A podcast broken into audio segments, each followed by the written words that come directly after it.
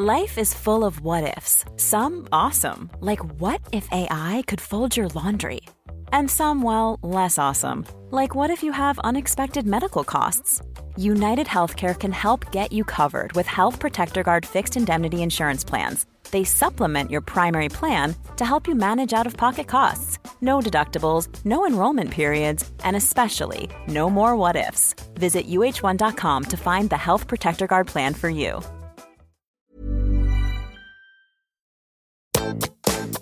Hei,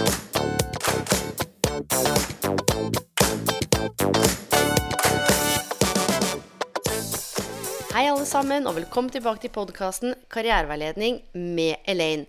Ukens gjest er en som mange av dere kjenner, eh, og som mange av dere ikke kjenner.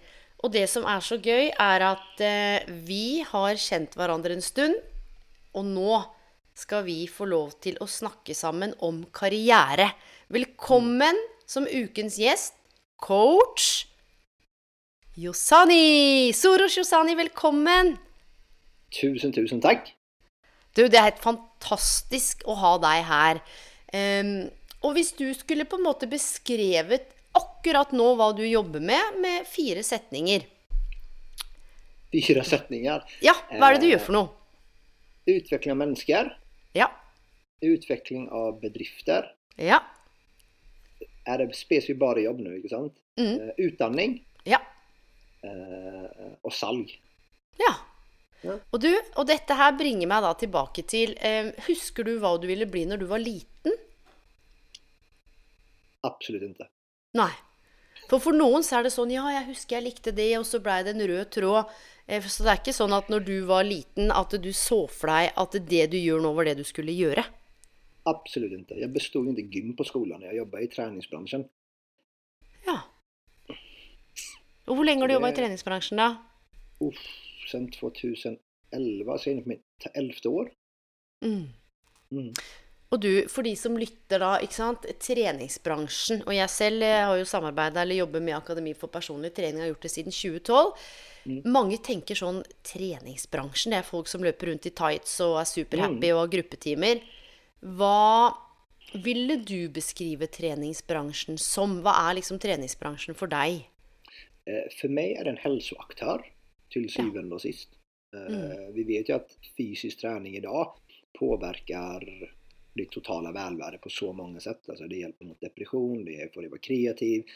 Eh, Det er jo en egen podkast i seg. Eh, Samtidig så har jeg full forståelse for at folk tenker så, for det er jo Volymen ligger jo der. Er, er jo typ Sats Elixia-senter, eller Sats-senter som det heter, Active Fresh Fitness. Eh, og mange trener får se bra ut, og det er inget fel i det. Og det er återigen der volymen ligger, men det er alle helseeffekter som kommer av det. Skal du ha en estetisk eh, fin kropp, eh, uten å dra litt ytterpunkter da, med 3 kroppsfest og sånt, Mm. Eh, Men du skal ha muskler, du skal ha lite definerte muskler. Da må du sove bra.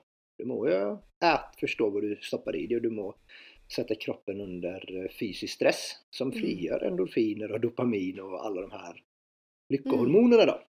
Så det er det jeg tror jeg, ja. For jeg det er det jeg liker med deg. Bare for jeg må avbryte, for, for det er akkurat det der hvorfor jeg vil ha deg på podkast nå, for du er jo treningsbransjen. Men det er ikke bare den treningsbiten, og det er derfor jeg vil at folk skal spisse ørene nå for å kunne koble Mm. på hvordan dette er relevant for, for karriereutvikling, for karrierevalg, for å håndtere stress, ikke sant? for hvordan man har det i jobbene sine også, eller hvis du er jobbsøker. Eh, og da, eh, som du snakker om med trening og søvn og kosthold, at alt på en måte henger sammen, da, og hvordan det i virkelig kan påvirke også arenaen som heter jobb eller karriere. Mm. Jeg tror at alla försöker helt enkelt hitta ett svar. Det här är vad jag borde göra. Och glöm att människan är ett levande organism. Människan är ett ekosystem. Om du börjar med att sova bättre, eller äta bättre, eller träna uh, förnuftigare, eller börja träna. Allt påverkar ju dig i en positiv riktning. Så vilken du än börjar med, börja med vilken du vill. Och det är lite så, börjar du med någon av det så blir du mer upplagd. Du blir mer upplagd har du bättre självtillit. Då kanske du tör att gå in i en intervju med lite mer självtillit och sälja dig själv lite mer. Du tör kanske skicka fler söknader. Istället för att typ välja ut att det här är vad du borde göra. Det finns så många måter, bara välj en av dem och jag är väldigt för minsta motståndets lov. Mm. Vad är lättast för dig? Skapa mästring på den arenan. Om det är gå och lägga dig lite tidigare eller eh, spisa lite mer frukt och grönt, alltså whatever. Gör det som är lättast och bygg det då. Og er du vi kommer litt heller inne på aldrig det være fornøyd. Nei, men nå er vi litt inne på dette med vaner og rutiner. ikke sant? Um, både jeg og du er jo opptatt av dette med vaner og rutiner, og vi veit at vi bør legge oss før. Uh, hvorfor er det så mange som ikke gjør det? Jeg har også vært en av de som har tenkt sånn Shit, nå skal jeg legge meg klokka halv ti i dag. Glem det. Og så har klokka blitt tolv eller elleve, eller ikke sant. Og nå er jeg blitt, jeg har jo en sønn nå, så veit at han skal opp tidlig. Men hva er det gapet mellom hva vi vet vi burde gjøre, eh, og hvorfor vi ikke gjør? Jeg tror mye handler om dopamin. At du har så mye ting rundt dig, eh, som typ en skärm, eh, din, telefo altså din telefon, TV, eh, som är skapt för att ta din uppmärksamhet och frigöra dopamin. Istället för att jag går och lägger sig eh, klockan halv, så gå och lägger dig med din- din son. Eh, inte sant? När går han och lägger sig? Ja, han legger seg sju, da. Ah, säger dig själv två timmar efter och sen gå och lägg Ja, dig. ja. Mm. Ikke sant? Och då kommer man förbi den här slitenheten som Mm. man hela tiden føler att man behöver egen tid för. Då. Så jeg tror svaret, svaret är komplext, det finns inte ett svar, men jag tror en stor bidragsytare är alla skärmar eh, som skapar en sån negativ spiral, att vi behöver egen tid. Istället för att lägga bort telefonen, meditera i 15 minuter, sen gå och lägg Mm. dig. Ja, og, og det er akkurat disse tingene her da, som, som man kan lese om, og som vi snakker om nå, som jeg også har sett sant, gjennom 10 og 11 år jobbet med, med bl.a. karriere, hvor tett alt henger sammen. Og dette har vi snakket om også. Og du trener jo mye selv, og som du sa, du utvikler og trener andre. Du holder også på å, utdanne andre. Hva, hva, hva er trening for deg, da? Og du jobber jo med og i det, men hva, hvorfor trener du? Eh, obviously så lista du opp en del benefit eller fordeler i stad, men hva, hva på en måte er det med den kontinuiteten og treningen som gjør at du på en måte har gjort det du likte å gjøre, eller trene om til et slags levebrød? Eh, bara en kort historie, da. Jeg trente mye mer før. Jeg driver med noe som heter Crossfit. Crossfit er veldig mye, ikke sant? Du skal lære å gå på hendene, du skal lære vektløfting, som er en egen OL-gren. Jeg har lært meg om løpning, roing, løpt maraton, så jeg driver mange ty ulike typer av trening. Og når du har gjort det i ti år så får du en viss fysik. Og den forsvinner ikke om du vedlikeholder den. Så mye av min trening i dag handler om.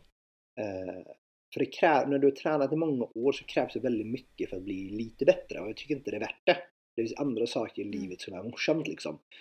Eh, Så nu tränar jag kanske fyra ökter i veckan.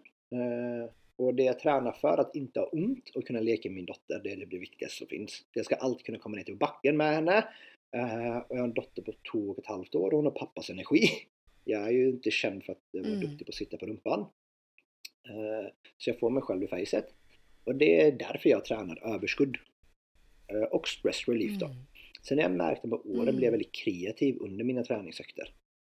Eh, Så det är de grunderna. Energi till min dotter först och främst. eh, Inte av vondter. Alltså fungera i vardagen. Og stress relief slash kreativitet da. Mm. Og hvor, du sa, du sa 10-11 år. Hvordan kom du inn i denne bransjen, da? eh, Jag hade väldigt mycket egentid i Norge när jag flyttade hit. Mm. Eh, For du og det flytta fra Sverige? När jag flyttade från Sverige. Jag flyttade hit när jag var runt 20. Jag har bott här Mm. i, jag är inne på mitt 14 år nu. Mm. uppvuxen i Sverige, bodde i 17 år. Eh, Men jag hade mycket egentid eh, och sen var jag väldigt osäker. Jag var väldigt liten. Jag är fortfarande inte en stor person. Jeg Jag vägde väl typ 58 kilo på mitt minsta. Och då jeg jag styrketräna. För jag ville ha muskler. Ah. Ja. Eh, och du treffer en platå på et sett når du inte har kompetens. Eh, så jeg treffer en platå og valde å ta en PT-utbildning, kortversjoner.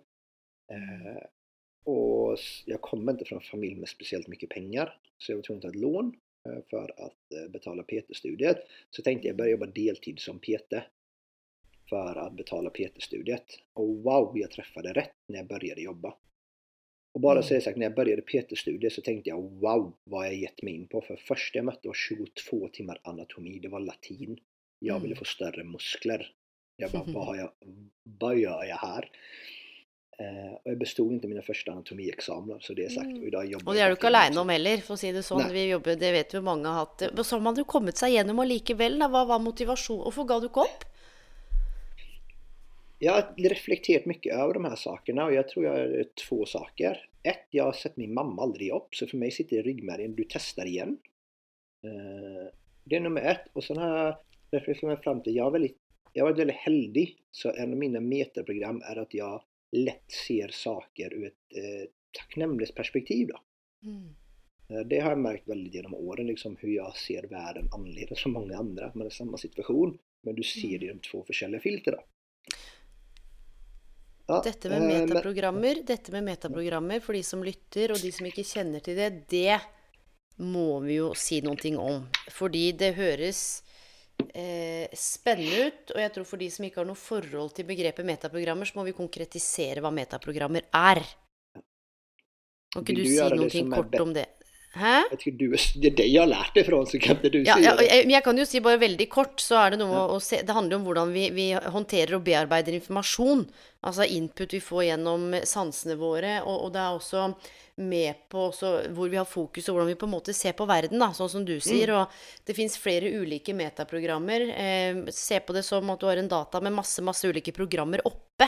De er ofte ubevisst. Vi vet jo ikke at de ligger der som en sånn slags um, måte å filtrere det vi um, opplever, og, og, og, bearbeide det på. Og eh, jeg har snakket om det, dette er lenge siden tror jeg, på podkast, hvor noen har et type metaprogram eh, hvor de er mest opptatt av detaljene, mens noen ser på en måte bare det store bildet og det betyr ikke at vi er enten-eller, men at vi har jo eh, ulike deler av ulike metaprogram avhengig av hvilke kontekster.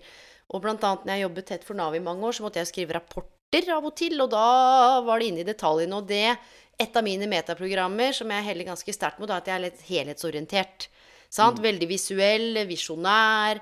Liker å tenke de store tankene. Har måttet jobbe med å jobbe med detaljene.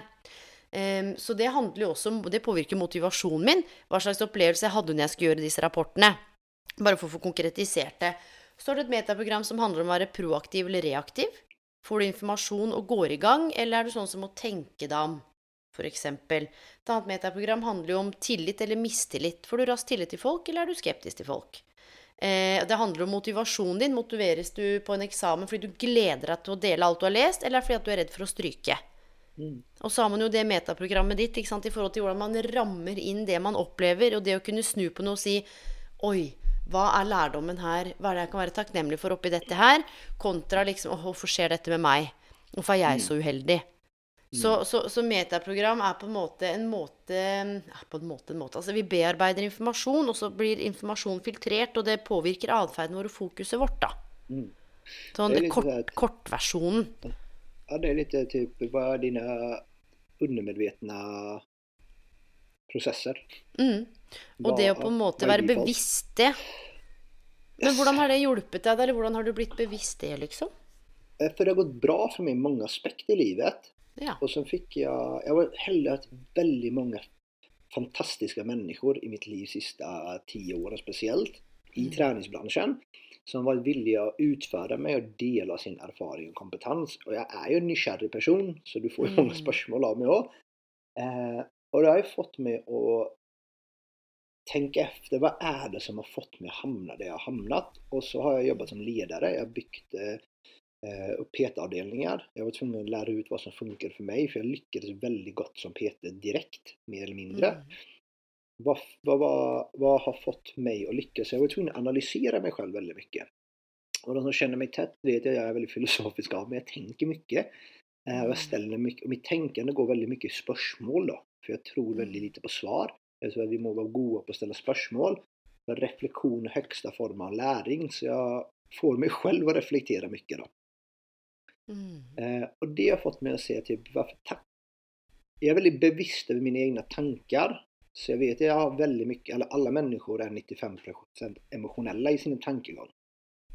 Eh, så jag är väldigt bevisst på att jag är en følelsesmenneske. Så jag tänker, alltså jag vet att de här tankarna jag får är mina metaprogrammer. Men jag har med åren blivit bevisst på att jag ska ifrågasätta dem också. Mm. Okej, okay. varför tänker jag så här? Och da har jeg sett at det her er mitt mönster, att jeg er veldig fokus på takknemlighet. Jeg ser snabbt det positiva i saker det goda i mennesker, hvor vondt de enn gjør det. Eh, for jeg har sittet i over 200 intervjuer, jeg har ansatt over 100 trenere, eh, varit med och byggt upp försäljarbedrifter, föreläst för vad är det, 1500 studenter. Mm. Og jeg ser jo meg selv i interaktion med de her menneskene. Eh, og nå begynner man bli litt eldre, og ikke fordi jeg er så gammal, men da ser vi sine mønster, da. Mm. Og mønster er noe som eh, fascinerer meg nesten mer enn noe annet. Um, og alt fra på en måte Det finnes ulike typer mønstre også som, som liksom skille litt fra metaprogrammer, også, som handler om på en måte the overachiever. Den som alltid skal prestere hele tida. Eller caretakeren, den som alltid skal passe på at alle andre har det så bra. Så vi har med oss mange ulike mønstre også, som vi kan koble med personlighet og det emosjonelle og det rasjonelle og alt det vi snakker om nå. Men jeg blir litt sånn nysgjerrig på um, hvem eller hva på en måte som har inspirert deg? For du sa masse fine mennesker. Er det sånn at du har fått muligheter, eller at du har tatt muligheter? For én ting jeg husker med deg når du var vel ny, tror jeg, når jeg hadde vært der en liten stund, det var du, Hans Soros. Han er på alle forelesningene til alle eh, lærerne, han. Mm. Og, jeg, og da hadde jeg eh, forelest en stund. Det var ingen andre som hadde vært på noen av mine forelesninger. Mens du bare brukte helgen, eh, fredag, lørdag, søndag, på å være på alles forelesninger og bare observere og absorbere og reflektere. Mm. Hva, hva er den driven, da? Eh, Hva er det som gjør at du gjør det, og at andre ikke har gjort det? Jeg var ikke på alle forelesningene når jeg begynte i 2012, og satt der som et tent lys i helgene. Jeg jag kan svare på hvorfor andre ikke gjør det. Det kjente jeg svaret på. Jeg kan säga varför jeg gjorde det. Eh, när jag fick jobben på AFPT så var det alle alla de här föreläsarna, det var ju typ mina rollmodeller i träningsbranschen. Och du vet jag är ingen blyg person. Eh, Mm. men när jag fick jobben så var det typ en kick-off en vecka senare. Och jag har aldrig varit så nervös som när jag skulle presentera mig själv där. Jag lovade mig själv att jag aldrig skulle sätta mig själv i den situationen. Jag är för så igen. För jag tyckte alla var så här typ superhumans nästan. Mm. Og så er det jo ingen som er. Er ikke det gøy? Nej, inte sant? Det är människor, precis som alla Mm. andra. Och så, jag vet att jag är god på vissa ting eh, som jag tar till mig snabbt. Jag är väldigt kreativ, jag är väldigt duktig på connect dots då. Eh, men jag vet också att teori är inte min starka sida. Mm. Men är det någonting jag är duktig på är det att jobba mycket mer än alla andra. Jag är typ så här lätt kalkyl, alla har 168 timmar på en uke. Eh, om någon jobbar 40 timmar och jag jobbar 80 timmar så kan de vara hur mycket bättre de vill än mig. Jag får mer erfaring raskare. Mm. Och det var ju lite det typ att okej, de här människorna är ofattligt flinka. Vad är min styrka? Jo, att jag kan jobba hårt. Mm. För på den tiden så drev jag også också uh, Aske Träningscenters PT-avdelning. Jag levererade ju 100 PT-timmar själv. Jag hade eh, 15 och 20 i fulltids-PTn som jobbade under som jag följde upp. Och det det här brukade jag de helgerna på då. Mm. Eh, och det var lite det, typ att vad är min styrka? Min styrka är att jag är duktig på att lägga ner tid. Och jag har varit väldigt målbevisst i min måte att arbeta på tills jag skulle få barn. Eh, Mm. för jag visste att den här tiden kommer inte jag få igen. Så jag har brukt väldigt mycket tid de sista tio åren på att jobba. Det är at definisjonen typ definitionen av dag fulltidstränare idag är eh, 80 till 100 timmar. Det var vad jag gjorde samtidigt som jag byggde upp PT-avdelningarna. Eh, och mina första år som PT så levererade jag 150-170 timmar. Så när jag var de två första åren på Alexia eh, så definieras det egentligen som, om man räknar på timmar då, så var det som fyra timmar för en annan tränare som per idag jobbar fulltid. Mm. Så jag tror bara det är typ att jag, jag vet att jag är duktig på att lägga ner mycket timmar. Jag har en hög eh, arbetskapacitet och det brukes Mm. som min styrka.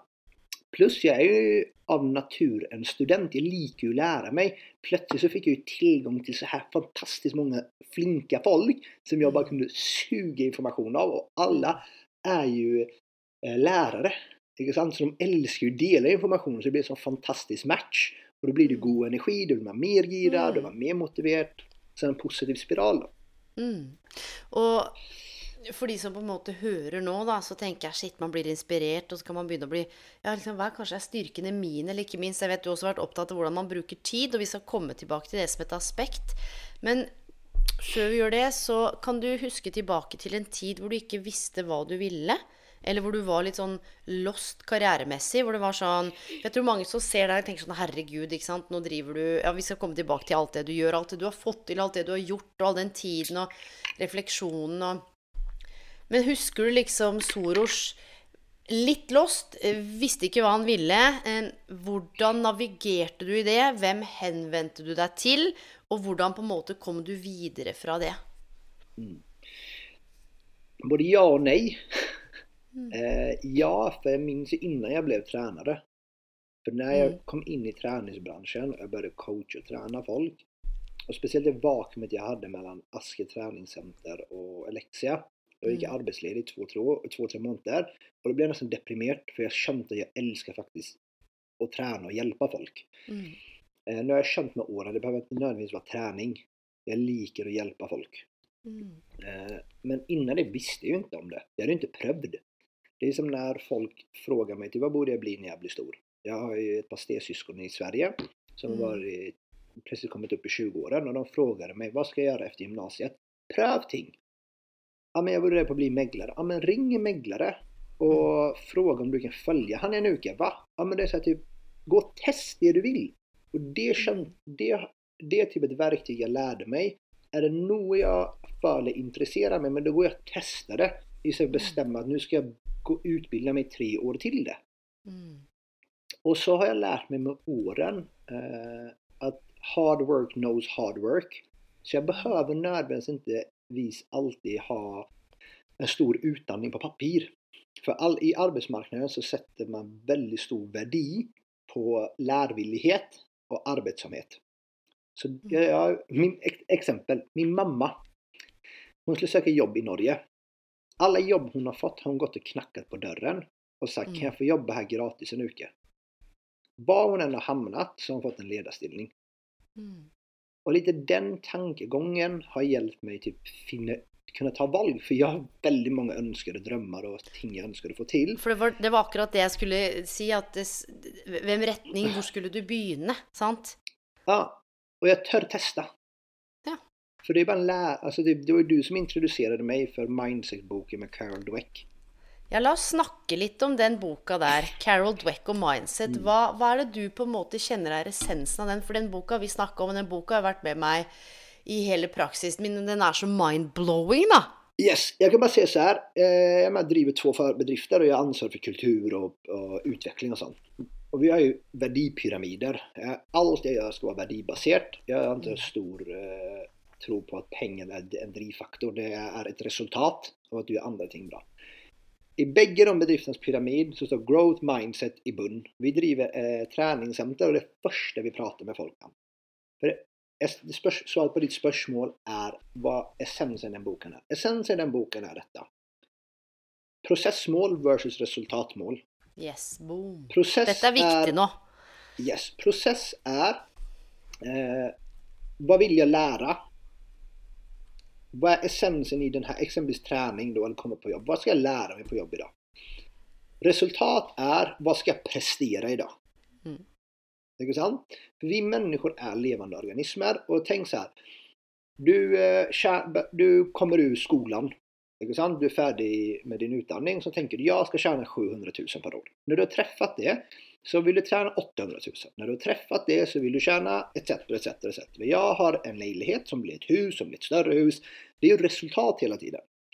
Process är hur vill jag ha det i mitt hus? När jag har ett jobb, vad vill jag gå på jobb och lära mig? Mm. Det är lite skillnaden. Eh, och att inte låta resultatet definiera vem du är. Där pratar jag mycket med studentene om det första jag gjør. gör när jag Mm. kommer och ska ha en föreläsningshelg. Jag bryr mig inte om vad, ni, vad, vad resultatet ni har efter den här helgen är. Jag bryr mig om att ni lär er att lära. Och det är så här, säger du fel svar är du inte bra eller dålig. För ett, en examen, eh, att du inte får ett ja på en eh, intervju, att du inte får jobben. Mm. Det är bara en minut eller två timmar av hela ditt liv. Ska du låta det definiera vem du ska vara resten av ditt liv? Eller så samlar du det in i din informationsbank om vem är du? Vad är dina styrkor? Vad är dina svagheter? Och sen brukar du det för att göra bättre val och förbättra dig. Process Ja, sånt. ja, og jeg tror også dette med growth mindset typisk for de som lytter. da, Det er mange som skal på intervjuer og gruer seg til intervjuer. og Jeg tror det er noe med det og om man skulle f.eks. få avslag, så handler det også om å se på hva slags sånn mentalt likhetstegn man bærer med. ikke sant? Avslag er lik 'jeg er ikke nok'. Avs og det der å kunne være nysgjerrig på, sånn som du snakker om refleksjoner, og stille Ja, men hva annet kan det bety? Kan det bety at ikke sant? ABC, kan det bety det? Eller ta den telefonen, for jeg likte det du sa, ikke sant? og teste ut, og faktisk ta en avsjekk og si 'Hei, sånn og sånn, jeg fikk avslag, fantastisk, du har funnet rett kandidat'. Kan du gi meg en ærlig tilbakemelding på hva dette handlet om, sånn at jeg kan forbedre meg til neste gang. Helt da riktig. fjerner man all rom for tolkning, ikke sant? for du vet med låst tankesett, eller som vi vet begge to, handler om at man vil gjerne fremstå som smart, man vil ikke ta på ansikt. Eh, Kritikk tar man jo som på en måte eh, sånn personlig feedback, «Åh, det vil man helst ikke høre. Mens i dette utviklingsorienterte tankesettet så handler det om å ta til seg feedback som en del av en læring. Og jeg tror når vi knytter dette her på som et prosessmål i en jobbsøkerprosess, hvor alle er så opptatt av resultatet, ja, målet mitt er å komme i jobb. Og sier til folk nei, det er nok ikke målet ditt. Jeg sier det ikke sånn. Men her må vi begynne å se på hva vil det gi deg å komme i jobb. Sant? Bedre selvtillit, eh, kunne stå på egne bein, tjene egne penger, bli en bedre mamma, få mer overskudd. Altså alle disse tingene her. Tilhørighet, ikke sant, som det er for mange. Og spørsmål nummer to hva slags metode skal du bruke for å komme dit? For det er jo ikke målet eller resultatet 'Å, jeg ønsker meg en jobb', som får deg dit. Det er jo metoden og nettopp det du er inne på med det, disse prosessene. Det er jo prosessene som leder deg til resultatet. Mm. Men det er akkurat som i Vesten her, så er det sånn vi må snakke om resultat, og vi må snakke om penger, og vi må snakke om alt mulig. Återigen dopamin. Det er så det er uppbyggt. Jag har varit heldig nog återigen, jag veldig fantastiske väldigt fantastiska människor runt mig. Att en person som heter Anders Dysvik, han är professor i ledarskap och organisationskultur. Han har jo vært på podkasten her. Har han det? Kul! Ja, Altså, Anders Dysvik, og vi har snakka om objektiv og subjektiv karrieresuksess. Mm. Eh, Anders var jo min klient, det var han som fikk mig å løpe New York Marathon. Ok. Eh, han var veldig stor, han er veldig mye grunnen til jag är en sånn leder som jeg er i dag. For mye av min ledarkompetens har jeg läst meg til. Ikke sant? Ja, Eh, ja, ja. ja. Och jag hade honom som kund under den perioden så jag diskuterade med honom. Så han bekräftade väldigt mycket typ att jo men det du tror på är sant. Det säger Ja. vetenskapen också. Mm, men det mm. är inte traditionellt. Det bryr dig om folk. Jag tror väldigt mycket på typ utvecklar du mennesket så utvecklar allt runt mennesket Så typ i våre våra bedrifter så har vi eh, utvecklingssamtal där vi går inn på personlig utveckling, faglig utveckling, karriereutvikling. Vi har livshjul som jeg har lært av deg. Så vi sätter oss ned med våre ansatte. Hur ser ditt livshjul ut? Mm. Ikke sant? Jo, men jeg gör Mm. tid på jobb. Et ett, konkret eksempel. Jeg hadde en eh, mellanledare som hadde 9-10 på karriär, träning. Relationen till kärsten var två. Jag bara, men då pausar vi mötet. Eh, och sen avtalar du, sätter av en helg i din kalender där ni åker iväg på en kärstetur. Hon bara, va? Mm. Jag bara, ja men för det är ingen idé att vi fortsätter prata om din jobbsituation, om det här, Nej. du inte funkar som människa. Och det är mycket Anders som typ gav en bekräftelse på att de här sakerna funkar. För du, alltså samhället idag belönar resultat. Yes. och? Det gjør meg helt svett, Soros. Det er viktig Ja. i noen sammenhenger, men for mennesker i jobbsøkerprosesser, eller som vi beskriver nå, eller generelt, tenk deg hvis man kunne belønnet eller oppskattet prosessen, da. Och det är Va- vi har fokus på. Når det er sagt så må jo folk også skjønne vi driver ingen psykologverksamhet Og det er ingen veldedighet. Du skal levere resultat. Ja, Men om du dyker opp på jobb og vi klarer å gi hverandre en feedback. om at denne måneden var det her ditt resultat. Elaine, du må stola på oss at det her er hva vi kan. Det her må du forbedre til neste måned. Så länge Mm. du legger insatsen så vet du at du får en progression. Mm. Om progressionen er at du, du skal omsette en miljon i din roll. og du omsatte 500 000. Mm. og progressionen var 0,1%. Det er ingen progression. De var tilbake til ritbordet. Men om du levererar 100 000 mer, supert. Mm. For det er litt så her De beste bedriftene, anser jeg, har utdanningssystemer. Så du, jeg ansetter deg første året så Mm. förväntar ikke at att du levererar, jeg forventer at du lærer. Mm.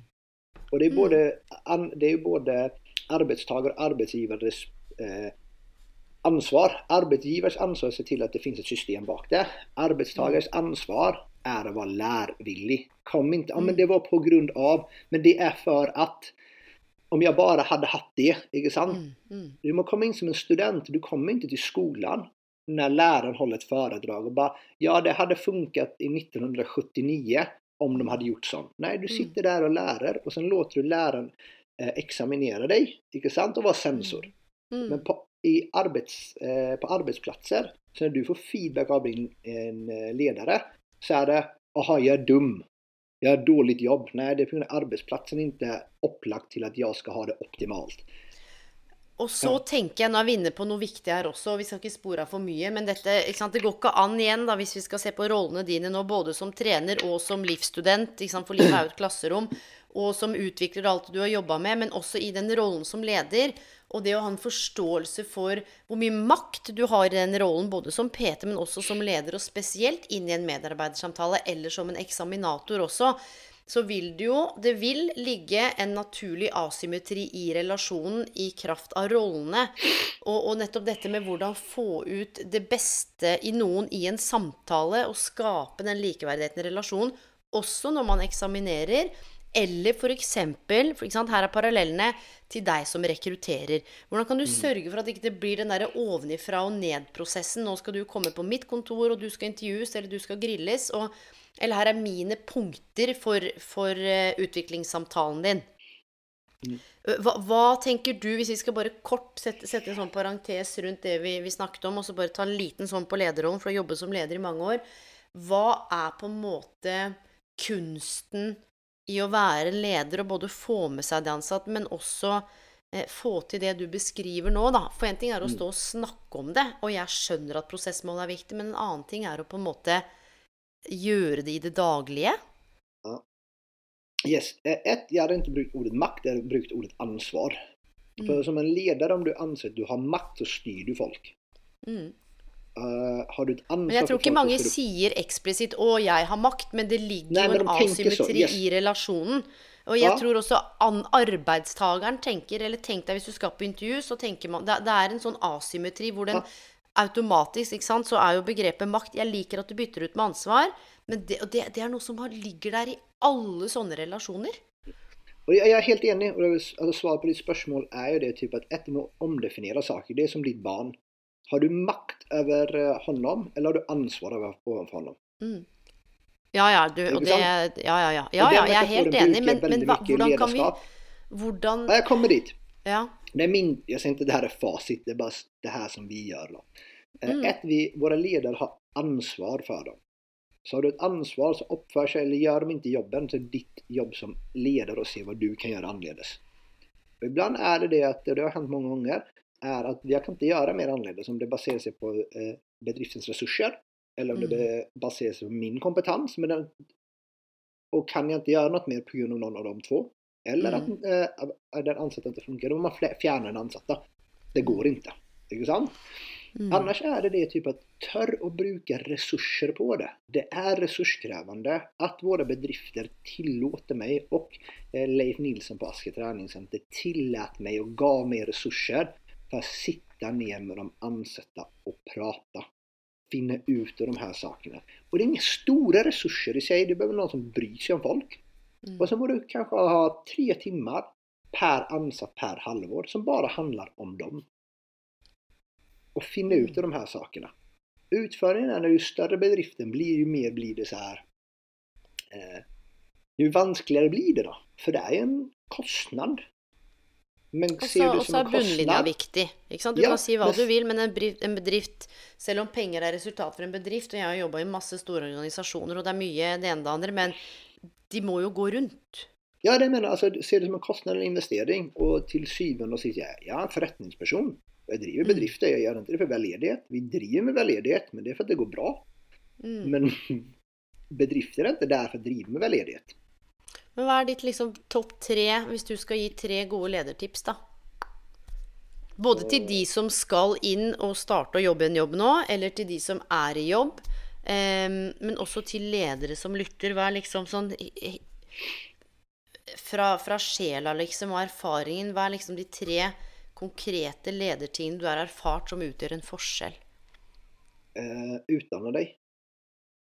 Nummer ett. Mm. Og det behøver være å gå til skolebenk, men typ, du har fantastiska resurser i typ Anders Dysvik, Simon Sinek, Good yes. to Great. Det finns ma massa. Yes. Och idag är det så pass simpelt att du laddar hem en app som heter Audible och sen brukar du 150 kronor och köper en lydbok. Se till att hela tiden få den inputen då så du själv håller dig inspirerad. Ta ansvar för egen utveckling. Eh, Två, någonting som alltid går igen i mitt huvud. Leadership isn't developed in a day, it's developed daily. Det är så att du är aldrig färdig. Du kommer aldrig bli färdig. Mm. Och nummer två, eh, lytta och tørre å ta beslut. För det är så att typ, Mm. alla pratar med ledaren och berättar vad som funkar och inte funkar. Så ledaren är ju den som sitter med all information. Mm. Och den må ju törra ta ett beslut. Någon kanske inte kommer vara nöjd med det. Någon kanske är supernöjd med det. Men den Mm. ser ju en helhet medan alla andra går upp i- in i sin, I sin Bubbla. egen verden. Mm. ikke sant? Och sen ser, ser ledaren allas och känner okej, det här är tre problemställningar vi har men jag må prioritera så jag väljer den nu. Mm. Det är Och de tre som vi väldigt- vågar leda liksom. Mm. Og der sa du det der å, å våge å lede, og tilbake til dette med å være sitt ansvar eh, bevisst. fordi ofte så opplever jeg også at jeg har jobbet mye med de som har vært utbrente og sykemeldte, hvor det har vært tøft i, på arbeidsplassen. Og noe av det som frustrerer meg litt, eller som gjør, som gjør meg så vondt, er at nesten utelukkende så alle de jeg har jobbet med, tenkt at det har vært noe galt med dem selv. At de ikke har mestra, eller at de ikke har vært sterke nok, eller at arbeidsplassen har vært for stor over tid. Men så handler det også om, når vi har begynt å utforske litt, at det også både er de organisatoriske rammene, med kanskje for lite ressurser, for mye press, en leder med kanskje for lite overblikk, eller masse andre ting. Sånn at når man går rundt og opplever at man ikke lykkes, så Det er klart gjør du ikke jobben og alle disse tingene her, men at det er, liksom, det er ikke deg det er noe galt med, men det er en sånn slags synergieffekt mellom organisatoriske rammer, lederskap og det å være medarbeider. At alle disse her tingene henger sammen. Og når vi begynner å se på ja, men hva slags rolle tok du fikk, du satt, fikk du snakket med lederen din om at det var for mye å gjøre, eller Nei.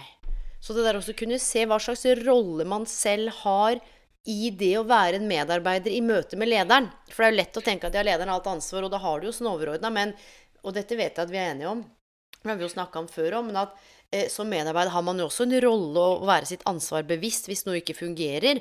Og kunne også på en måte våge å sette ord på det, da, hvis relasjonen er der.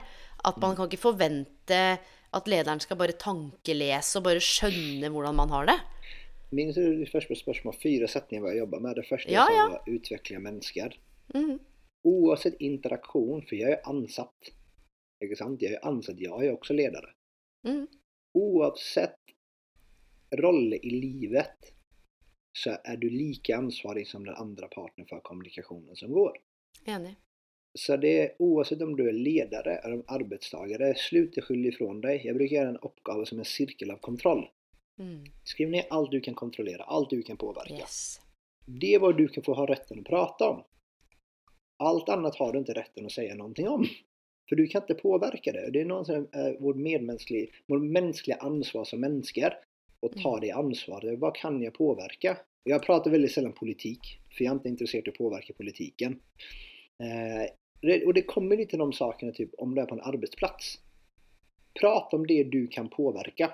Mm. När du går in i möten med din ledare, prata om det du kan påverka. Det här kan jag göra annorlunda. Mm. Det tar jag ett ansvar för. Mm. Men det er så Och jag här, tror det här- när du börjar, jag, jag känner att det är vanskligt för folk. För det du gör, ett, du är sårbar. Två, du säger att jag gör inte ett gott nog jobb. Mm. Eh, Men makten innan du tar det ansvaret och du ser att utvecklingen du får av det, vad som Mm. precis sker, att du blir 100% ansvarig för din egen utveckling. Och det är en fantastisk følelse å sitte med. Det er befriende, og det er litt av Ah. det som er poenget også. Og jeg har sagt til folk, for man har også opplevd at å være rundt noen på en arbeidsplass som gjør en så liten Og så er det sånn, men andres ord er jo bare andres ord, og det betyr egentlig ingenting med mindre vi gir det mening. At jeg har jo min modell av verden, og du har jo din. Og det er liksom denne interaksjonen og hvor mye vi legger i hva ting betyr, og hvordan vi tolker, og det blir jo ganske frustrerende av og til, men av og til så kjenner jeg sånn Bare se ting sånn som det er. Noen har sagt at de ikke har gjort det, eller at jeg kan gjøre bedre sånn. Ok. Og, og slutt å, å skape så mye historier og narrativer rundt det. Mm. Bare lytt, bare lytt etter det som blir sagt, og som du sier, tenk hva kan jeg ta ansvar for? Hva kan jeg gjøre i prosessen? Og hva slags metode? Fordi hvis vi skal litt tilbake til det du snakket om prosessmål, så opplever jeg ofte at vi er så opptatt av å eh, monitorere. Og igjen kanskje tilbake til jobbsøkerprosessene. Ah, nå har jeg sendt syv søknader. Eh, jeg skulle bestemme meg for å sende ti. Og så kommer fredagen, så har du bare sendt tre. Og så tenker du fy fader, jeg er så utrolig brukelig. Jeg har bare sendt tre. Jeg klarer ikke å holde avtalen med meg selv engang. Men hvis vi hadde begynt å observere metoden, og heller reflektert over Når er det jeg var i det hvor det gikk bra? Ja, se her fikk jeg jo tre søknader. Da var jeg flyt. Var fordi at dette var konteksten, eller det var ikke noe kaos med ungen min, eller det var bra hjemme. At man begynner å observere når man har det bra, hva slags kontekst man har rundt, og være nysgjerrig på hva kunne jeg gjort annerledes? Hva kan jeg gjøre bedre til neste uke? Eh, Istedenfor å, som du sa, så bringe meg tilbake til neste poeng, alltid se på alt i tall. Men metoden og prosessene Altså de siste ti årene for meg, etter jeg skjønte det eh, Jeg si det første året etter jeg begynte å jobbe med karriereveiledning, så bare eksploderte praksisen min, liksom. Jeg hadde jo karriere altså, Stakkars de som var på det kurset for elleve år siden. Beklager, alle sammen. Eh, hvor det var 'Nå skal alle ut i jobb, og sånn gjør vi det', bare gjør den, se om det er en søknad, og nå skal vi sende fem søknader om dagen, og sånn gjør du det. Akkurat som det er en sånn derre eh, mainstream greie. Alle har individuelle prosesser. Alle dine ansatte er jo mennesker, og du ansetter jo et 24-timersmenneske. Det er jo ikke sånn at når de går fra deg, så bare står de i en eller annen sånn boks til de kommer tilbake, og de er hjem, og de kjenner på sorg og glede og kjærlighet og frustrasjon og stress, og kommer tilbake til deg igjen som leder. Og jeg tror det som er så fascinerende med deg, da um, Hvordan er det du visste at du hadde funnet det du likte å gjøre? Når du fant ut av det på en måte i karrieren din? Hvordan, kjen, hvordan kjennes det ut? Hvordan, hvordan visste du det? At du liksom hadde kommet hjem? Eller Mm. kjente du det ikke? Ordet pasjon. Eh, og det er en utfordring tror jeg, for folk som aldri har kjent på det. At forstå det. Mm. Eh, Lidenskap, ja. Ja, lidenskap. Altså, jeg er en lidenskap. Jeg klarer ikke å stenge av mitt hode om at jeg tenker på den ansatte eller den här klienten. Eh, når jeg sitter hjemme på en fredagkväll kan jeg bare stenge av huvudet. För det är någonting slutt Sluta tenke på din son. Ikke sant? Altså, slutt å tenke på kjæresten. Det er sånn typ, det, det, Jeg følte det. Liksom, det er en Mm. følelse. Det her samsvarer med eh, hvem jeg er som person, mine verdier. Jeg er veldig Mm. opptatt av verdier, og vi prater om veldig mye, du og jeg. Mm. Eh, og det føltes rett, da. Og det ble resultat. Da, da blir du jo god på det, for det blir, det blir all, altoppslukende. Jeg tror det er veldig svårt å leverere på høy nivå på noe som du ikke Mm. har veldig høy passion for. Jeg bruker dele opp det i tre kategorier. Du har de som har et jobb, de kommer for å gå hjem. Du har de som har en karriär, de er opp Mm. stegen. Og så har du de som har passion, de gjør det som kreves. krävs. Eh, det er ikke det ene rett eller fel. Det sier jeg Mm. absolut inte. Jeg er helt enig. Många borde bare ha jobb, for de, ansvaret stresser dem. Ja, og de kanskje har masse annet spennende, hvis vi ser på livshjulet, på de andre arenaene. De Yes! jobber frivillig, går på, tar seg av noen som er syke, eller kanskje har helseproblemer, eller ting som gjør at Helt riktig. Åtte til fire, pengene inn, det holder, for jeg får så mye mening og glede utenom. Dette jeg har jeg sagt 10 000 ganger, og som du understreker nå, som jeg er så glad for. Eh, Det virker som om alle må ha mening i jobben sin, og jobben skal være så halleluja. Vet du hva, det er bare tøys. Og det er altså forska på det du beskriver nå, at det at de fleste har kall i karrieren sin det, altså det, Forskning viser at de fleste har en jobb. Mm. Sant? Og, og bare vit det til deg som lytter, som Soros er inne på nå, at du må ikke elske jobben din.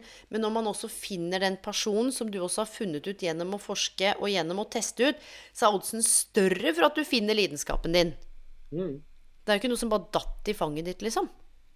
Absolutt. Og så har jeg tenkt mye på det. Er det fordi jeg har blitt god i det, som Mm. jag liker ännu mer, för alla liker ju att vara flinka. Ja, ja. Eh, eller är det för att jag hittade det?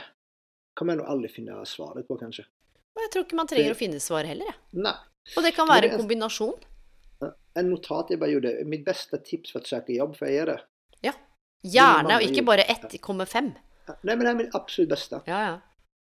Gå till den arbetsplatsen och säg kan jag få jobba gratis en vecka? För du sitter nå arbetsledig. Du gör ingen, alltså du söker jobb. Mm. Ärlig sak. Inte sant?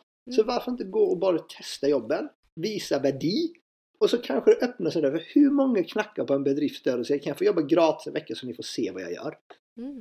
Mm. Og hva er verdi? Det som min mamma har fått varenda jobb hun har søkt. Det funker! Mm. Det som jeg sier til trenerne hos oss, det er typ du har ikke kunder men du har folk som kommer in og trener. Gå og träna dem gratis. Det, er betal eller gratis erfaring. For når vi går i skolen, så betaler vi pengar för att få lära oss. Mm. Men när vi kommer ut i arbetslivet ska vi ha pengar för att lära oss. Mm. Det för mig är en sån kontrast. Alltså penger, pengar, blir du väldigt god i någonting för att du skapar värde så får du pengar. Det går Mm. fint. Ja, og jeg liker den måten å, å, se det på. Dette henger jo sammen med dette med prosessmål. Og jeg skal spørre deg om et par andre ting som liksom eh, I tillegg til dette med prosessmål og mindset, så vi kan ramme inn samtalen rundt det. Så jeg er litt sånn nysgjerrig på to ting, da. Er det noe du angrer på i løpet av disse ti årene i din karrierereise? Som du har reflektert over sånn åh, hadde jeg tatt det valget, eller hva hvis jeg hadde gjort sånn, eller hm. Jeg angrer veldig sjelden. Ja. For det er jo sånn typ, det er en Återigen dette typ, eh, metaprogrammet som takknemlighet. Mm. Og hva hadde du gjort hvis du ikke hadde holdt på med det du gjør nå, da? Hvis du skulle, Nå ble alt det du holdt på med nå, borte. Dette vet du ikke hva jeg skal spørre om. Du, måtte, du sto på helt blanke ark nå. Du har all kunnskapen, kompetansen, erfaringen og personligheten og verdiene. Hva gjør du nå? Jeg har åpnet en ny kompetansesenter med CrossFit som gruppetreningsplan. Jeg gjorde eksakt samme sak. Ja, hvis du ikke kunne gjøre det, da? Om jeg ikke kunne gjøre det Helt annen retning. Ingen aning. Jeg hadde behøvd tid for å tenke. Jeg hadde satt av tid for å tenke. Det var jeg hadde gjort. Jeg hadde ikke tatt några förhastade beslut. beslut. För per idag har jeg et helt annet uh, andra spelregler och jag har en dotter som mm. jag inte går på kompromiss med Nej, över tid med. Mm. Så det er så typ, det är andra spelregler da. Mm. Og det jo interessant, jeg også som har blitt mamma for snart tre år siden. Jeg tror ikke jeg skjønte hva det skulle innebære å bli foreldre. Mm. Eh, og jeg har jo lest meg på alt det der, men bare sånn det derre draget altså Når klokka nærmer seg halv fire, at det, alt annet da bare drit og dra. Jeg skal hente barnet mitt i barnehagen. Og, og første året så henta jeg han klokka tre. Levere, for jeg har jo fleksitid, han jobber for meg sjøl. Så jeg kunne hente han halv ti og hente, levere han halv ti og hente han tre.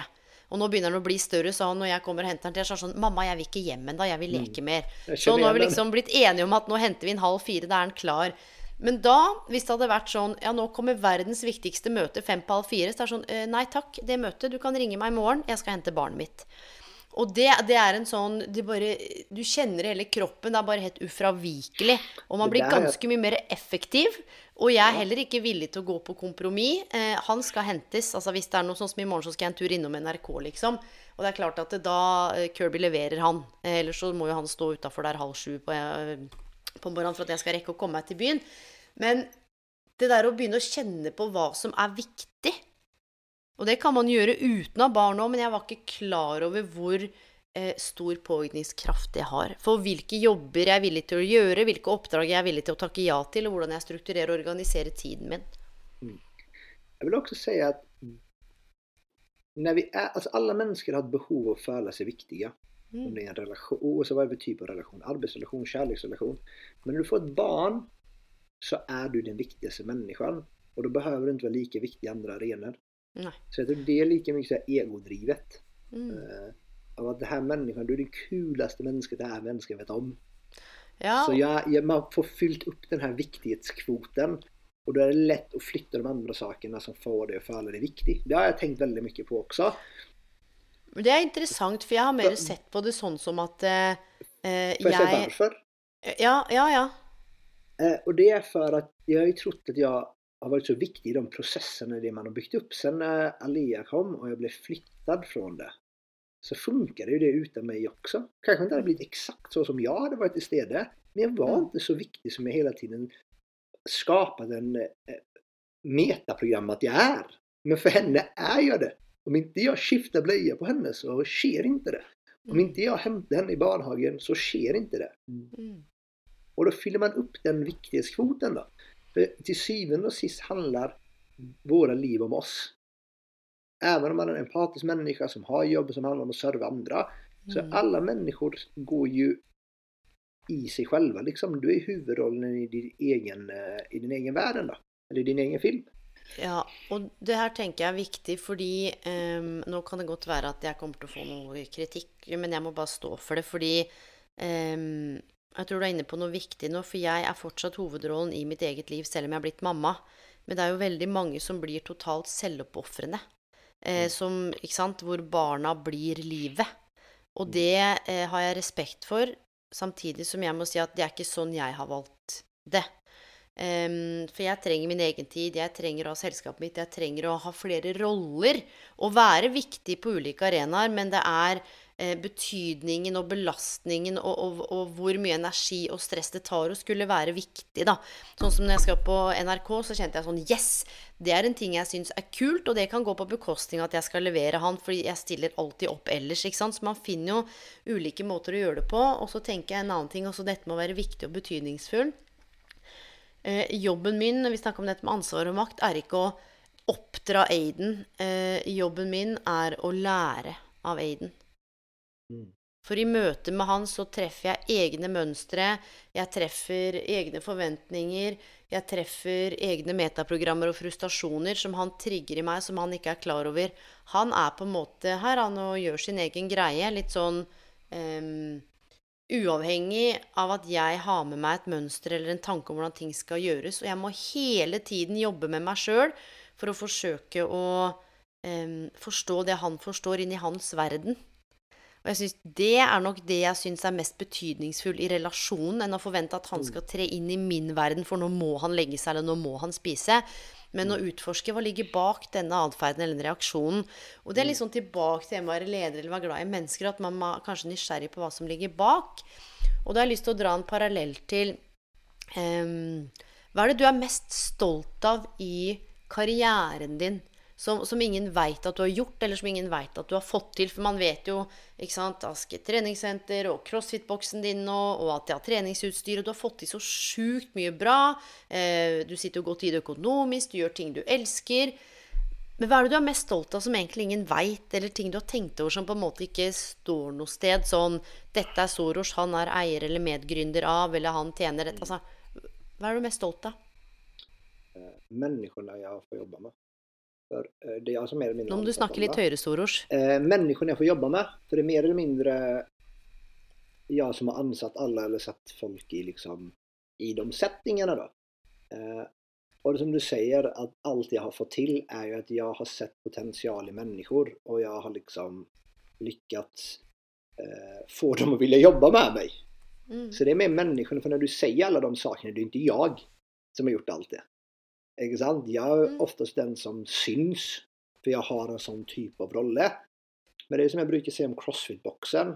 Eh, vi har en ny trener som, precis, som driver en boks, som valgte å flytte til Asker for å lære seg hur man driver boks av oss. Jeg bare, når han ringde og sa det, jeg bare Altså, jeg vet ikke hva jeg har sagt på forelesningen, og sånt så du vil dette, men liksom eh, med all ydmykhet eh, tänkt det två gånger om, liksom, om gräset är gröna på andra sidan. Så har han varit igenom vår process, eh, rekryteringsprocess och började jobba hos oss. Och så var vi på en eh, teambildningssamling eh, i helgen. Och då säger han ju det typ, jag vet inte riktigt vad du gör men du får till mycket. Jag bara, allt du tror jag gör är det Helene som gör. Och det är att jag har lyckats, det jag är mest stolt över, lyckats eh, få sådana vänner och människor runt mig idag. Mm. För det har varit tuffa tider, speciellt sista åren för corona och allt du vet. Ja. Mm. Eh, och det har fått mig att tänka, jag är heldig alltså på den mm. aspekten. Så det är jag mest stolt över, människan jag har lyckats eh, få vennskap med.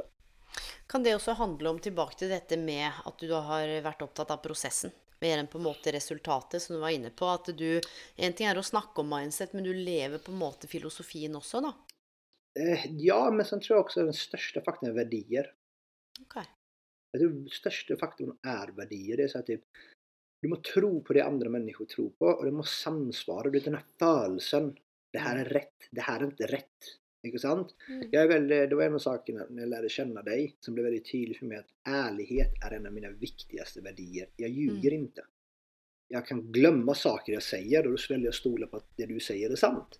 Mm. Eh, att jobba med sådana människor, att lögner är inte accepterat, men det där stämmer inte det du sa. Att man mm. tør å gräva i dem. Eh, mm. Att man tror inte på pengar. Det är också en sån sak som genomströmmar eh, våra bedrifter. Att alle alla är bevissta, jag jobbar med sunnmöringar liksom. Mm. Eh, alla är bevissta på det men det är inte den största drivkraften. För har du folk i bedriften som har det som drivkraft, jag ser inte det fel. Nej, nej. Jag ser bara att jag tar exempel på vad det innebär att vara värdidriven då. Mm. Så jag tror mer det handlar om det än processen. För mm. en verdi er at alle kommer på jobb for å lære og utvikle seg. Ok, men det, det, det, da, For dette er spennende, for jeg forsøker å konkretisere alt det vi snakker om, til en sånn Egentlig ikke oppskrift, jeg blir jo helt svett av alle oppskriftene, selv om jeg er med av og til på bidrag. ikke sant? Fem trinn for det ene og det andre. Men Men det säljer og det så får du folks oppmerksomhet. sjukt nok. ja, og jeg liker det ikke. Eh, Jeg er ikke noe glad i, så jeg prøver jo liksom ikke altså, og Men du når ikke ut uten heller. Nei, nei, men jeg driver jo for meg sjøl av og til når jeg har skrevet artikler eller levert artikler til store aviser og sånne ting, så er det jo liksom hvis det står sånn eh, ha en fin dag. Det er ikke så spennende. Men så skal på en måte overskriften stemme med det man skriver om. Og jeg er egentlig ikke så glad i disse tre trinn for å bli et lykkelig menneske. ikke sant? For vi er så komplekse organismer, som du også snakket om. Men da ligger disse verdiene eh, til bunn, og så på en måte driver det litt av denne prosessen. I, liksom, i, Carol Dwecks ånd, for de som skal lytte nå, hvis prosessorientert, liksom prosessorienterte mål, hva, hva, er det neste du på en måte har lyst til å dele med de som lytter, hvis du skulle gitt dem en sånn slags ikke oppskrift, men å ramme inn eh, på en måte hva du tenker er viktig, da, å være bevisst. Ett. Spør ikke deg selv hva jeg vil jobbe med. Spør deg selv hva vil jeg lære mer av. Mm. Det tror jeg er altså, en sånn nøkkelkriterium nyckelkriterie å lykkes i arbeidslivet. Yes. For da blir du god på det. Mm. blir du god på noen ting, så kommer folk kommer du gjøre det bra i det yrket liksom. Mm. Uh, mer. Hvem tar ta spørsmålet igjen. Ja, vi var inne på dette med Carol Dweck, da, og, og fixed eller growth mindset, og hvordan disse, det lå til, til bunn liksom i alt du eh, ånder og lever for, og hva du lærer ny, ikke sant? Det er bare det å være i boksen. Eh, Til og med når dere jobber med ungdom og barn, så er jo dette liksom dette med et utviklingsorientert læringssett. Og vi var inne på dette med prosessmål eh, og, og verdier. Hva, hva mer tenker du til de som lytter, som enten nå vurderer å bytte jobb, eller som er i jobb, er utenfor arbeids... Hva, hva mer knagger kan de få med seg fra alt det du kan, hvis du skulle sagt dette her er de viktigste tingene å ha med seg, eh, som du kjenner at Åh, dette her har jeg lyst til å bare dele med dere, eller sette ord på. Neuroplasticitet, det er, det, Ja. det er growth mindset. At din hjärna er plastisk. Så du er ikke satt. Du kommer ikke Du kan ikke si men slik er det og slik kommer jeg alltid være. Nej, slik er du og du vil gidde ikke endre deg. For det kostar ka kalorier og kroppen vil ikke forbruke kalorier. Det er homeostasis. Mm. Eh, kroppens overlevelsesmekanisme. Så det kostar å skapa endring, og din kropp jobber imot deg. Men forstå at du kan lære deg hva du vil. Mm. Det tog meg ti år å lære meg å gå på händer. Men jag klarade det. Mm. Eh, det är det att förstå, du kan lära dig vad du vill, du måste bara göra jobben. Mm. För att skapa de här nya nervbanorna då. Mm. Och så, den nästa är... Eh, bli bevisst på dina metaprogrammer. Det är väldigt mäktigt att känna typ, vi har så mycket med från barndomen. Vi har så mycket med från eh, tonåren, traumer som formar vår syn och se på världen. Som Mm. snabbt blir väldigt destruktiv ovanför oss själva. Eh, Mm. och törra ifrågasätta dem. Och när du möter motgång, kolla vad du kunde gjort annorlunda. Mycket är på grund av att du har satt i en situation på grund av dina metaanalyser, då. Mm. Kalla det med istället för bruka metaprogram, ditt undermedvetna. Bli bevisst på Underbevisstheten. under, underbevisstheten. Mm. Bli bevisst på hvorfor du havner i de situationer du gjør hele tiden eller det skjer deg. Og, ser- og det tror jeg er en livslang process. Du kommer ikke kunne kartlegge dem alle sammen samtidig. Det går ikke. Det er som du sier, det er så settingbasert. Mm. Hvordan er jeg som leder? Hva trigger meg? Hvordan er jeg som Mm. far? Hva trigger meg? Hvordan er jeg som eh, kjæreste? Hva trigger meg? Å få barn for mig var det mest fantastiske som har skjedd. For du har jo et speil framfor deg i Mm. nutid. Mm. Og det här man skal være litt forsiktig om man sier en barneoppdragelse, for alle har rett til sin på en måte så lenge du skader barnet. Ja, ja. Eh, vær fler, spør ikke hvorfor barnet oppfører seg så. Spør hva har jeg gjort for at barnet oppfører seg så. Mm. Og det er akkurat det vi snakka om i stad, hvordan barn er på en måte livets læremestere. Hvis man er villig og åpen da, til å gå i seg sjøl, på lik linje hvis man er leder eller jobbsøker eller Så jeg tror jeg har lyst til å ramme inn noe av det vi snakker om også med dette med eh, hvordan man tar til seg tilbakemeldinger, men også eh, å forstå det at andres tanker og meninger om deg er jo nettopp det. Andres tanker og meninger om deg. Eh, det trenger ikke være sannheten. Sant? At du fikk ikke jobben fordi, eller at dette gikk bra. Altså, Jeg tror det handler om Noe av kjernen i det vi snakker om nå, selv om vi ikke har brukt det ordet, handler også om, sånn som jeg opplever deg òg, da eh, Det handler om forståelse av hva slags egenverdi man har. At man også har vært noe som menneske. Uansett om du leverer 10 000 timer, eller om du Noen ganger så har jeg kjefta på Aiden. Det er ikke ofte, nettopp fordi jeg har pedagogikken i bånn og coachingen og jobba så mye med veiledning, så blir man veldig trent i å være refleksiv og, og reflektere både i situasjonen og etter. Men det har vært noen ganger hvor jeg har kjent sånn hvor Jeg skal ikke si at jeg mista det, for det tror jeg aldri jeg har gjort, men hvor jeg har blitt sint. Um, og det dreier seg aldri om han. Mm. Og det å vite det at For vi er jo sånn Fordi han gjør, så blir jeg. Det er sånn typisk vestlig tenkning. Mm. Men akkurat som at han altså, Så det er noe med det der å tenke sånn Fordi lederen min eller gjør sånn Fordi jeg ikke fikk den jobben, så blir jeg Og det hvem er det vi gir makt? Og hvordan vi lar andre påvirke oss. Og da har jeg lyst til å spørre deg om en siste ting, for vi nærmer oss snart slutten. Hva er det verste karriererådet du har fått? Det var jag blev tränare och Ja. det tipset jag fick var gör folk så stala att de verkligen faller dagen efter. Ja. Wow, det var boom! Kom till, det det är så typiskt det som ger PT en dåligt rykte. Alltså om folk inte gidder, de får en dålig association till träningen, det gör ont, då har jag bommat. Och det försökte jag med i typ en vecka. Alltså Ja. folk undvek ju mig på sin så här prövetimma. Eh, det är det värsta jag har fått. Spennende.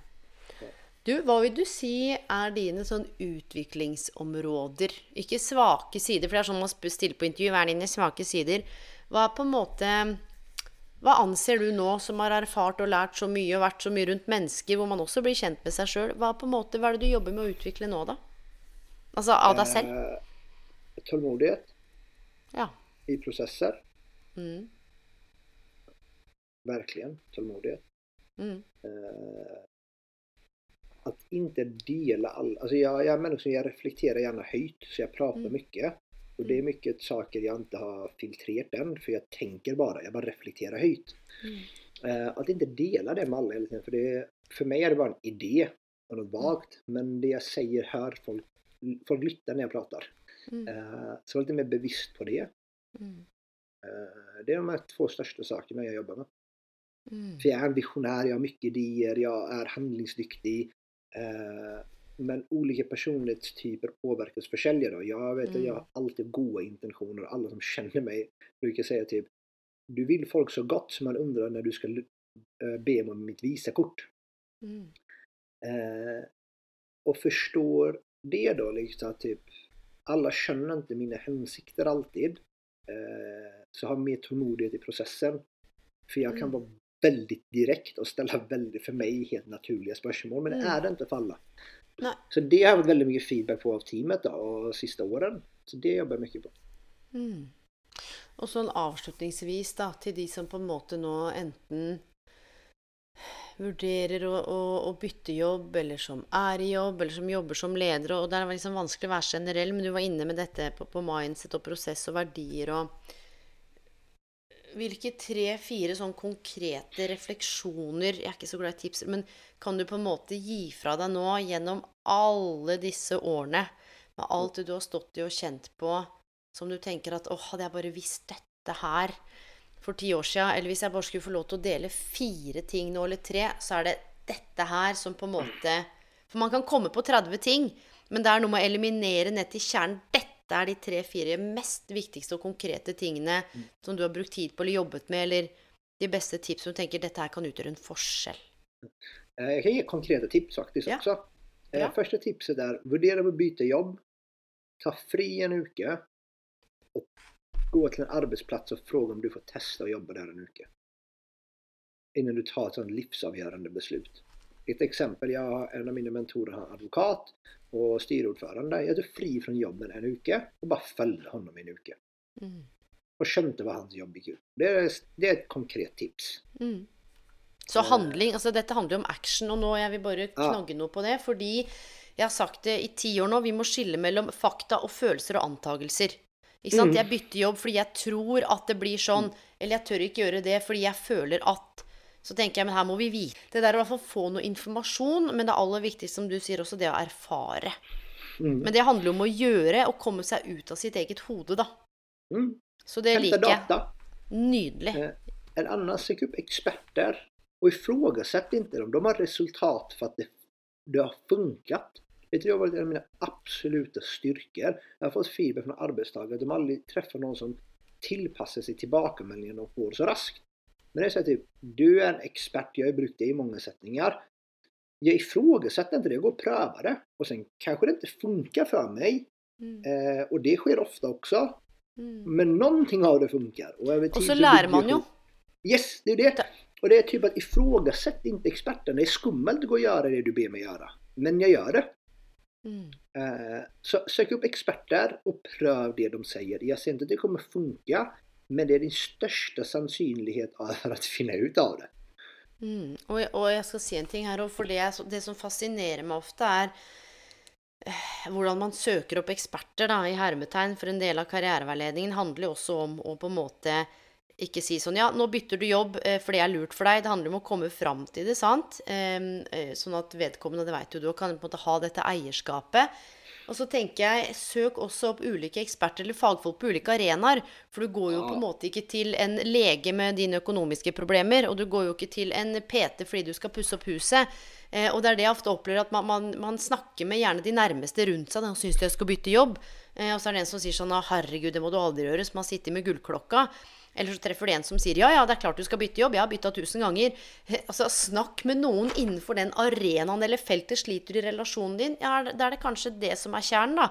Og på en måte ikke, ikke en økonomiansvarlig. Og, og jeg tror det glemmer vi litt, fordi vi, vi snakker så mye med de rundt oss, og så glemmer vi litt hva slags arenaer de egentlig er på, hva slags forutsetninger de har. For Yes. å svare på det konkrete, så hadde du kommet til meg og sagt Elaine, jeg sliter helt sjukt økonomisk. Så kunne jeg sagt sånn Det er jo en viktig del av karrieren, sant? se på livshjulet.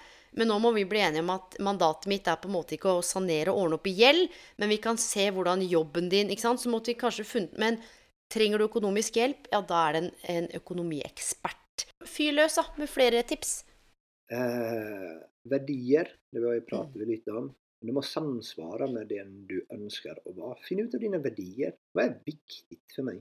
Hvem Hvordan fant du ut av dine verdier, da? Uff, mycket analys, mycket gode samtal med folk och Mm. se när det föds rätt och inte föds rätt. Då. Ja, Och sen är det så typ, terminologi. Är ju ett be- vad betyder ärlighet för någon? Vad betyder ärlighet för någon annan? Inte sant? Mm. Eh, ord är ord, men det handlar om vad de betyder för dig då. Mm. Eh, så att göra det jobbet och ta värdibaserade val, och det är inte lätt. Det är absolut inte lätt. Det, det høres lett ut, bare følg, Ja, følg verdien din. Og, inte. Och när allt det är sagt, du säger det här låter som jag har funnit ut svaren på hela livet. Jag är lika förvirrad som alla andra. Det är bara jag, jag gör de här processerna dagligen. Och jag kommer inte vara samma människa och tänka likt idag, eh, om fem år som jag gör idag. Min dotter kommer då vara sju och ett halvt. Det kommer sätta helt andra krav på mig och då kommer jag tänka annorlunda. Driften Mm. har gått igenom försäljliga eh, eh, processer och det har ändrat mig också. Men förstå typ att du är aldrig färdig och det är det som är processmålet. Mm. leve leva med det. Uh, var nysgjerrig på deg selv. I stedet Mm. Uh, var bevis på typ, Nå tenkte jeg det, Hvorfor tenkte jeg det? Varför sa jeg så? Hva baserer det? Så var lite nysgjerrig på deg selv, og ifrågasätt deg selv mer. Oh, men du, det er veldig ubehagelig, og det er det jeg det er ser i veiledning. Og det er jo det du møter òg. Altså det der med å Hvorfor tør man ikke stille seg selv de vanskelige spørsmålene? Fordi svaret ofte oppleves vanskelig eller utfordrende. Og da er det bedre å late som. For det er noen som sier sånn When you first know something, dette er Maya Angelo, you cannot unknow it. Så når det først har kommet opp til overflaten, damn, you better get going, da må du ta tak. Og da er det bedre å bare late som. Du, jeg ser det også, for jeg jobber jo mye med karriere, og jeg treffer mye på en del som handler om parforhold. Man har det kjipt i parforhold, og så påvirker det karrieren sin. Og man tør ikke stille de vanskelige spørsmålene, for tenk hvis svaret er det jeg frykter. Så da går man heller bare og Eller man tør ikke gå inn til lederen og si du, herregud, eh, kan ikke du bare se på det jeg har gjort i det siste nå? Det er et eller annet sånt. For man vil ikke vite det. Fordi når man veit det, så må man ta tak. Og den ta tak-biten, da er vi inne på det du snakka om i stad. Endringer, homostase, bruke kalorier, ego. Ikke sant? Så det her er ekstremt viktig. Ja, det her kan vi prate i timer om. Neste emosjonell flexibilitet. Mm. Eh, Det er et begrepp som har bitt seg fast i meg veldig. Og det er at når du blir trygg i deg selv, så klarer du å ha ytterpunkter av følelser. Mm. Møte ytterpunkter av følelser. Det er skummelt, med jeg tørre gå inn og grave i det. Yes. Men du vet hva ditt center er, og du vet når du har funnet ut dina verdier. Det her er hvem jeg er. Mm. Sen gjorde jeg dette, og det føles crap. Men jag klarar att komma hämta mig in igen då. Mm. För många människor kan jag upp- eh, upplevas som typ nästan kall ibland. Eh, Men det är att syns det er första gang jeg traff deg. De første gangene. Ja. Eh, eller ikke kall, kald. Jeg vil ikke si kald, men mer sånn distansert og veldig profesjonell og utfordrende å komme inn på ved første øyekast. Og så tenkte jeg, ikke sant, for da tolka jeg jo dette er jo 10-11 år siden, handler dette her om, om usikkerheten du beskrev, at man ikke helt vet sin plass eller rolle i på en måte det fagmiljøet der vi var. Handler det om eh, at du tenker at du er bedre enn Altså, jeg var innom mange refleksjoner. Og så begynte vi å snakke, og så bare Ah, eh, og hvorfor jeg har lyst til å si det. Det gjorde absolutt ikke noe dårlig førsteinntrykk, men jeg tror mange hører så mye sånne quotes. Altså, det er for seint å Har du gjort et dårlig førsteinntrykk, så er du bare fucka. Det er sånn typisk da, på jobbintervjuer. Men du, vi kan jo gjøre mange forskjellige inntrykk, og det kan jo handle om nervøsitet, usikkerhet, at man ikke tenker seg om, at det har skjedd noen ting. Men jeg husker så fort vi begynte å snakke sammen, så tenkte jeg sånn Spennende type. Og det er jo så fascinerende nettopp det med hvordan eh, man beveger seg og orienterer seg i et rom. For tenk deg hvis du skulle møtt den samme gruppa nå, da, med forelesere. Hvis du sammenligner når du gikk inn i det rommet for ti år siden, og du skulle gått inn i det rommet i morgen. Hva hadde, du, hva hadde du følt da, liksom?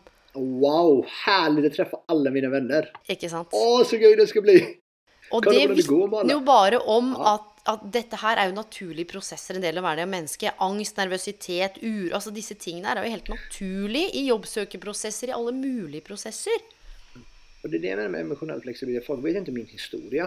Nu har inte vi pratat om min oppvekst var. Eller någonting sånt. Eh, Man kan føle at ja, men den här personen får till allt etc. etc. Men det är det, typ den emotionella flexibiliteten. Jag kan ha väldigt dåliga dagar. Och det sker ofta. Bare Bara ett tufft år. Uh, Men jag klarar att hämta in mig då för jag vet någonstans vem jag är.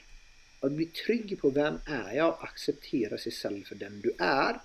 Eh, utan att jämföra sig själv med andra. För ingen är lik dig. Folk kommer inte, alltså det 8 miljarder människor. Alla har inte dina verdier, och det är helt OK. Du behöver inte många runt dig som accepterar dig. Du behöver få. Men de må, du, men de må samsvare liksom. Og jeg tenker eh, kjernen i det du beskriver nå, som vi kanskje skal avslutte med, tenker det aller viktigste handler om å akseptere deg sjøl. Mm. Og skjønne måte... att du kan endre deg selv. Er det det noe du ikke liker med deg selv? For det er litt sånn at du har blivit en sum av miljø og arv. Selvfølgelig. Men neuroplasticitet, du kan endre det. Bli bevisst over ditt eh, undermedvetna da. Mm. Og jeg tror hvis på en måte jeg skal oppsummere noe, så handler det liksom om den selvaksepten og dette med å begynne å tenke læring og prosesser. Eh, bli nysgjerrig på verdiene, det å prøve ut ting. Eh, det å knytte relasjoner, skape relasjoner. Eh, og jeg vil ikke si feile, men det der å kontinuerlig prøve og utforske. Og at vi er i ulike roller og ulike livsfaser gjennom hele livet. Og jeg lurer på, for nå har vi snakka snart sammen i en time og et kvarter Jeg lurer på om vi skal lage en del to, ja, og så kjøre litt Q&As. Hvor vi svarer konkret på spørsmål som går på eh, helse, karriere, trening, søvn, altså så, sånne ting. At vi kan lage en litt sånn helhetlig episode, en litt sånn holistisk episode. Fordi jeg liker tilnærmingen din til det du gjør. Jeg liker tilnærmingen til den du er. Og jeg tror noe av det som er med min praksis, det er den holistiske holistiske, den helhetlige tilnærmingen sin. Ingen er ikke bare eh, jobben sin eller karrieren sin eller rollen sin. Det er eh, så mye jeg, mer, da. Jeg sier en sak om det. Jeg jobber Ja. også, mycket av min erfaring er med mennesker via treningsbransjen. Du må snakke litt høyere. Nei, mycket av min erfaring, Jeg har trent folk i 14 000 timer. Mm. Og mycket av min erfaring kommer fra å trene träna folk fysisk. da.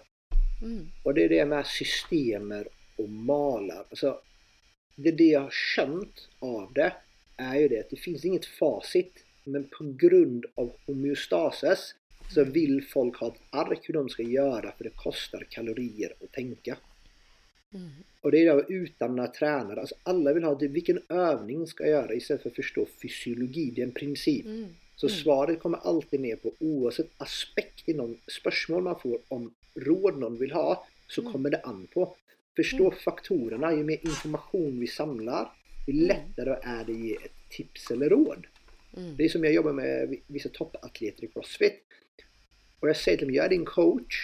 Du har ansvaret for din trening. Ja, det programmet jeg skriver, er en mal. Du må ta ansvar, og du er den som har mest informasjon om hvordan du funker og hva du presterer bra på. Og det det alle mennesker må typ, någonstans ta det ansvarssirkeln av kontroll igjen. Liksom. Eh, det tror jeg typ en princip som følger med. da. Det fins inga one size fits all, liksom. Langt ifrån. Nei, men du, så kan, det du er den enda som kan finne ut av hva som funker for deg. Ja, ja. Men så er det disse narrativene i samfunnet om hvordan alle andre har svaret, da. Og det er det, men dette, er, dette kan vi snakke mye mer om, for å si det sånn. Soros, eh, de som lytter, hvor kan jeg finne ut av mer om deg? Hvor googler jeg deg? Hvor kan jeg lese om deg? Hvor finner jeg ut av hva du holder på med? Gi meg noen sider. Eh, mycket ataträningsutstyr.no. Där säljer Ja. vi träningsutstyr, där skriver vi artiklar. Annars på Ja. Instagram, coach Ozani. -hmm. Eh, så ta kontakt sen med mail om det är någonting du lurar på. Jag tycker människor är intressanta så det är inte svårt att få kontakt med mig. Men jag har begränsat med tid, precis som alla andra. Så det kan ta upp till ett par dagar innan du får svar. Men jag svarar alltid alla. Mm. Soros, for en eh, gave å ha deg med på podkasten. Tusen takk. Heldig jeg som får være med. Du, dette syns jeg var både inspirerende og tankevekkende. Jeg tenker vi har vært innom mange områder og arenaer som mange kan kjenne seg igjen i. Um, så alle der ute som uh, lytter, uh, send tilbakemeldinger. Dere veit hvor dere finner uh, Soros nå. Ja, dette her var en fin, fint avbrekk, hvis det går an å si det, i, i hverdagen. Selv om jeg trenger ikke avbrekk fra hverdagene mine, men det var sånn fint påfyll, Soros. Tusen takk for at du tok deg tid til å være med. Og til alle dere lyttere der ute, denne podkasten hadde aldri blitt til uten dere og motivasjonen og drivkraften og all den kjærligheten og inspirasjonen dere gir. Så hvor enn du er i verden, god lytt og Soros, tusen takk. Takk for Elaine. Ha det godt så lenge, da. Ha det.